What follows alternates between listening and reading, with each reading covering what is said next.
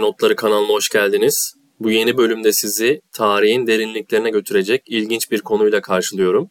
Bugün sizlere Bernhard operasyonu ve enflasyonu anlatacağım. Peki enflasyonun bir operasyonla ne ilgisi var? Bu iki konu tarihin en büyük savaşlarından biri olan 2. Dünya Savaşı sırasında gerçekleşen olaylarla sıkı sıkıya bağlantılı aslında. Bernhard operasyonu Almanya'nın müttefiklerine karşı giriştiği çarpıcı bir ekonomik savaş taktiğini temsil ediyor. Aslında ekonomik bir hile de diyebiliriz. Ancak burada sadece bir ekonomik hile hikayesi yok. Aslında bu operasyonun ekonomi dünyasının en temel konularından birine yani enflasyonla ilişkisine odaklanacağız. Enflasyonun ne olduğunu ve tarih boyunca ekonomileri nasıl etkilediğini anlayarak Bernhard operasyonunu daha büyük bir bağlama oturtacağız. O zaman tarih ve ekonomiyle dolu bu heyecan verici yolculuğa başlayalım. Enflasyon bir ekonomide genel fiyat seviyelerinin artması ve para biriminin satın alma gücünün düşmesi anlamına geliyor. Bu olguya sıklıkla fiyatlar genel düzeyinde artışta diyoruz. Aslında enflasyon paranızın alım gücünün sürekli düşmesine neden oluyor. Yani aynı miktarda para ile daha az mal veya hizmet alabilmek anlamına geliyor. Enflasyonun ekonomi üzerindeki etkileri oldukça çeşitli. Özellikle yüksek enflasyon paranızı ve buna bağlı yapılan tasarrufları değersizleştiriyor. Sabit gelire sahipseniz sizleri daha fazla olumsuz etkiliyor ve yatırım yapmayı da zorlaştırıyor. Tabii enflasyonun farklı nedenleri de olabiliyor. Ancak genel olarak enflasyonu talep enflasyonu ve maliyet enflasyonu olarak ikiye ayırıyoruz. Talep enflasyonu talebin arza göre daha hızlı artması sonucu oluşuyor. Bu genellikle tüketici harcamalarının hızla yükselmesiyle ilişkili aslında. Maliyet enflasyonu ise üretim maliyetlerinin artması sonucu ortaya çıkıyor. Ham madde fiyatlarındaki yükselmeler veya üretim süreçlerindeki verimsizlikler bu tür enflasyona neden olabiliyor. Her iki türde de yarattığı etkiler farklılaşmakla birlikte enflasyonla mücadele şekli de değişmekte.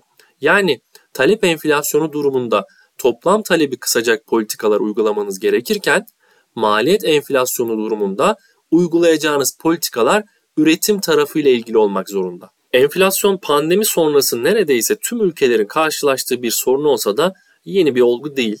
Aslında bizim çok yakından bildiğimiz dünyanın da tekrar hatırlamak zorunda kaldığı kötü bir olgu. Ülke olarak düşük enflasyon yaşadığımız dönem oldukça sınırlı ve maalesef son yıllarda da yüksek enflasyon en önemli ekonomik sorunumuz haline geldi.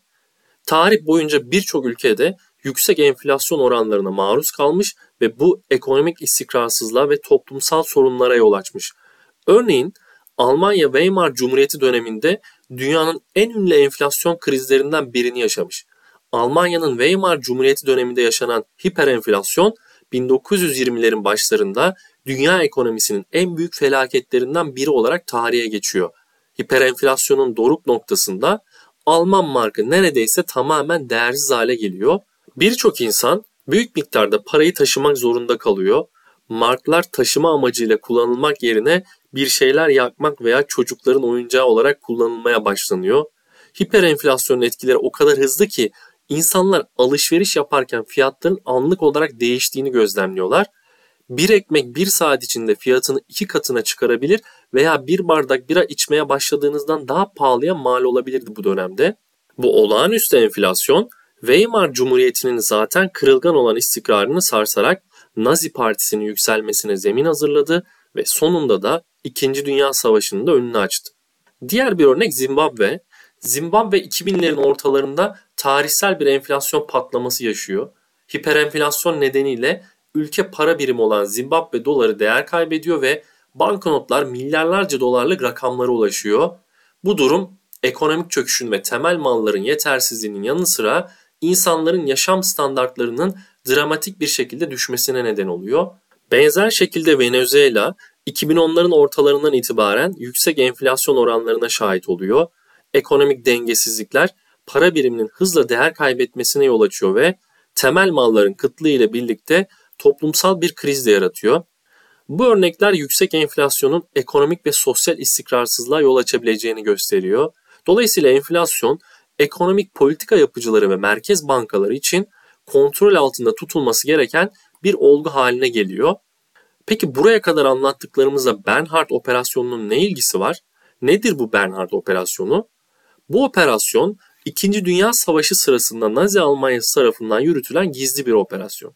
Bu operasyon ana amacı müttefik devletlerin ekonomisini çökertmek ve savaş çabalarını zayıflatmaktı. Bernhard operasyonu adını operasyonun lideri olan Alman subayı Bernhard Kruger'den alıyor ve operasyon sahte para üretimine dayanıyor. Bu operasyon Almanya'nın savaşın sonuna doğru kaynaklarını daha etkili bir şekilde kullanmasına ve düşmanların ekonomik olarak zayıflatmasına destek olmayı amaçlamış. Bu operasyon tarihte bugüne kadar bilinen en büyük kalpazanlık operasyonu. Bernhard operasyonu 2. Dünya Savaşı'nın en karmaşık ekonomik taktiklerinden birini temsil ediyor aslında. Operasyon 1930'ların sonlarından itibaren Nazi Almanyası'nın savaş ekonomisi üzerinde çalıştığı bir dönemde gerçekleşiyor. Nazi hükümeti müttefiklerini ekonomik olarak zayıflatmanın yollarını araştırıyordu o dönem ve bu operasyonu yapmayı planladı. Bu operasyon sahte İngiliz banknotları üretmek, bu banknotları savaş sırasında düşman ekonomisine sürmek ve böylece müttefiklerin ekonomisini çökertmek amacı taşıyordu aslında. Bernhard operasyonu Almanya'da bir toplama kampında yetenekli mahkumlar arasından seçilen uzman diyebileceğimiz kalpazanlar tarafından yürütülmüş. Bu uzmanlar gerçek banknotları mükemmel bir şekilde taklit edebilme yeteneğine sahipmiş. Operasyonun ilk aşaması da zaten sahte para üretiminin başlamasıydı ve banknotlar bu uzman kalpazanlar tarafından üretilmeye başlanıyor. Daha sonra sahte banknotlar savaş sırasında düşman topraklarına sürülmek üzere kullanılıyor. Bernard operasyonu savaşın sonlarına doğru çeşitli etkilere yol açıyor. Sahte paralar müttefik ekonomilerini olumsuz etkiliyor. Operasyon savaş sonrası dönemde de etkisini sürdürüyor ve sahte paraların hala piyasalarda dolaştığına dair spekülasyonlara da yol açıyor. Dolayısıyla Bernard operasyonu ekonomik savaşın sadece askeri operasyonlarla sınırlı olmadığını gösteren bir örnek olarak önemli bir yere sahip. Operasyon 2. Dünya Savaşı sırasında ekonomik savaşın sahtecilikle nasıl yapıldığını gösteren ilginç bir örneğini temsil ediyor. Bu operasyon savaşın ekonomik boyutunu daha derinlemesine anlamamıza yardımcı oluyor aslında. Tıpkı Keynes'in Barışın Ekonomik Sonuçları kitabında savaşın yaratacağı etkileri anlattığı gibi belki bir bölümde bu kitabı da ele alabiliriz. Aslında operasyon ile enflasyon arasında sıkı bir bağlantı var. Çünkü operasyonun amacı büyük miktarda sahte para üreterek düşman ülkede dolaşıma sokmak. Dolayısıyla Bernard operasyonunun enflasyonla ilişkisi sahte paraların ekonomik sisteme girmesiyle başlıyor. Bu banknotlar gerçek para gibi dolaşıma girdiğinde toplam para arzı artıyor ve bu artış talebi aşarak enflasyona neden oluyor. Yani bir ülke başka bir ülkenin ekonomisini enflasyon yaratarak çökertmeye çalışıyor. Operasyon ekonomik taktiklerin savaşın bir parçası olarak nasıl kullanılabileceğine dair önemli bir örnek sunuyor arkadaşlar.